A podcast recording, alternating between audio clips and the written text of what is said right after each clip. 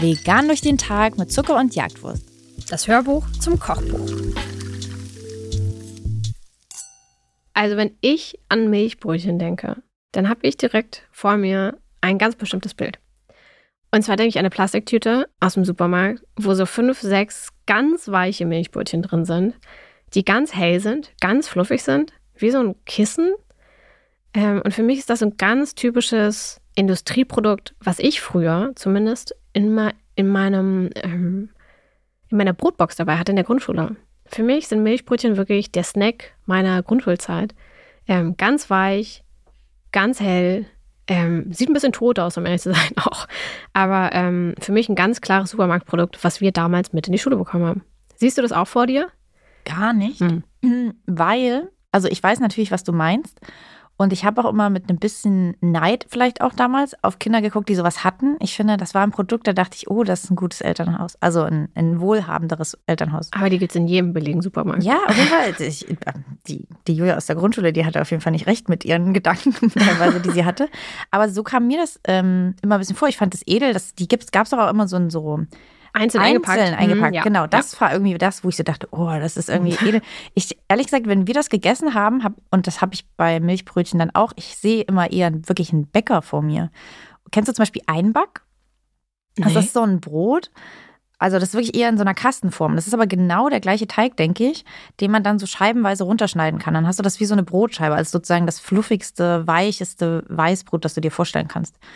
Und ich habe ja auch teilweise mal beim Bäcker im Verkauf gearbeitet. Da hatten wir das auch. Und das war immer eine richtig schöne Arbeit, das durchzuschneiden, weil das so richtig so, es war so ein richtig entspannter Schnitt wie durch Butter schneiden. Und ich sehe eher tatsächlich bei mir diese eine Ecke beim Bäcker, wo die Hörnchen lagen, wo die Rosinenbrötchen lagen, wo das Einback stand. Ähm, das habe ich immer vor mir beim Milchbrötchen. Toll, also denken wir an zwei ganz unterschiedliche Sachen. Aber finden es beide sehr gut. Aber denken beide auf jeden Fall an etwas sehr, sehr Weiches. Einback habe ich tatsächlich noch nie gehört. Sehr faszinierend. Ähm, aber genau, in diesem, im Kochbuch habe ich tatsächlich eher meine Vision umgesetzt, sorry. Und zwar ähm, findet ihr hier ähm, ein Rezept für eben diese ganz kleinen, weichen Bällchen. Und genau um das zu erreichen, haben wir euch auch so ein paar Tipps reingeschrieben. Und zwar ähm, findet ihr das zum Beispiel in Schritt 4, da steht, ihr solltet sie auf gar keinen Fall zu dunkel werden lassen, ähm, sondern lieber schon frühzeitig mit ähm, Aluminiumfolie oder ähnlichem abdecken, damit die nicht zu dunkel werden. Denn wir wollen natürlich, dass die Milchbrötchen am Ende richtig, richtig weich sind. Die dürfen nicht knusprig sein, die dürfen nicht doll braun werden. Also ihr sollt sie aus dem Ofen nehmen, mit den Händen zerreißen können und es soll sich anfühlen wie ein kleines Kissen in eurem Mund. Und wir haben außerdem auch lange daran gefeilt, wie wir diesen, ich nenne es mal, Industriegeschmack hinkriegen, sodass sie so schmecken wie frisch aus so einer Plastikverpackung. Ähm, und zwar ist hier ähm, der, der Keychanger, nee, wie sagt man dazu, der Game Changer? Game Changer. wow. ähm, ist tatsächlich, dass ihr Sojamilch einmal in Vanille und einmal in Natur verwendet. Dieser Mix bringt so ein bisschen hin, dass die so leicht süß, leicht nicht chemisch, aber so ein bisschen leicht künstlich schmecken. Sie haben eine ganz leichte Vanillenote, aber eben auch nicht zu viel. Aber ist das, wäre das jetzt ein Muss oder wenn ich jetzt nur Erbsen, Hafermilch habe, könnte ich das theoretisch auch verwenden? Ihr könntet, natürlich, also funktionieren tut das auf jeden Fall auch. Ne? Ihr könnt da auch eine ganz andere Milch für verwenden, eine pflanzliche.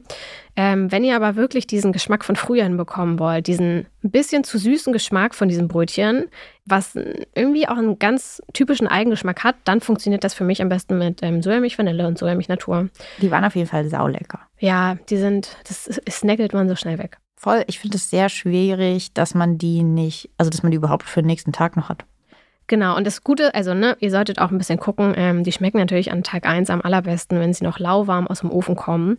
Wenn ihr die aufbewahren wollt, dann macht das auf jeden Fall in einem luftdichten Behälter, ähm, sodass die noch möglichst weich bleiben, weil umso älter sie werden, desto härter werden sie. Und das ist natürlich das, was wir auf gar keinen Fall haben wollen. Ich würde gern auch noch an dieser Stelle mal kurz über die Schokodrops reden. Ja. Prinzipiell kann man die wahrscheinlich auch super, wie ich schon gerade gesagt habe, mit Rosinen oder so austauschen. Wenn ja. man keine Schokolade will, oder könnte sie wahrscheinlich auch komplett weglassen. Die Frage bekommen wir immer mal, was sind backstabile Schokodrops und wo bekommen wir die überhaupt her? Hast du einen Tipp? Backstabile Schokodrops findet man eigentlich in jedem größeren Supermarkt. Achtet aber auf jeden Fall darauf, dass backstabil draufsteht, denn ansonsten schmilzen euch die weg. Ähm, beim ersten Testkochen ist mir genau das passiert. ich hatte ähm, Schokodrops da, die aber nicht backstabil sind. Das heißt, ich hatte dann so sah eigentlich auch gar nicht so doof aus. So leicht marmorierte Milchbrötchen, wo die Schokolade überall so leicht verschmiert ist, wenn ihr wisst, was ich meine. Die ist so leicht geflossen überall. Funktioniert natürlich auch, ne? Macht jetzt auch den Kohl nicht fett, aber ein bisschen hübscher sieht es aus, wenn ihr Backstabile nehmt. Und natürlich darauf achten, dass es zartbitter Schokodrops sind oder eben ausge also dass wirklich draufsteht, dass sie vegan sind. Denn es gibt auch viele Schokodrops, die nicht vegan sind und aus Milchschokolade bestehen. Sonst noch Fragen? Sonst habe ich keine Fragen. Ich würde die gerade richtig gern wieder essen. Hm, Unbedingt aber aus dem Ofen.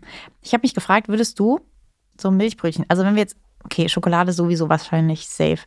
Wie würdest du das am liebsten essen oder wie isst du das am liebsten? Was machst du da drauf? Aber ich mach da gar nichts drauf. Du isst die einfach so. Ja, auf jeden Fall. Willst du da was draufschmieren? Ja, ich würde da auch was drauf machen. Wow. Also die sind schon ähm, süß. Das ist schon ein süßer Snack. Ja, deswegen habe ich, also man würde dann, ja, Marmelade und sowas wäre schon Boah, krank. ballert, ja. Frischkäse vielleicht. Hm? So ein bisschen als Ausgleich, bisschen säuerlich. Also ja, probiert's klar, aus. Ihr könnt sie vielleicht Schokolade auch in pflanzliche Milch tunken. Könnte auch gut, gut funktionieren. Oh. Oder in so einen Tee zu einer Kaffeezeit. Ähm, ja, sie sind auf jeden Fall ganz himmlisch weich und ganz, ganz lecker. Ähm, esst sie auf jeden Fall, wenn sie noch frisch aus dem Ofen kommen. Ähm, und vielleicht erinnert euch das Ganze ja auch ein bisschen an eure Schulzeit.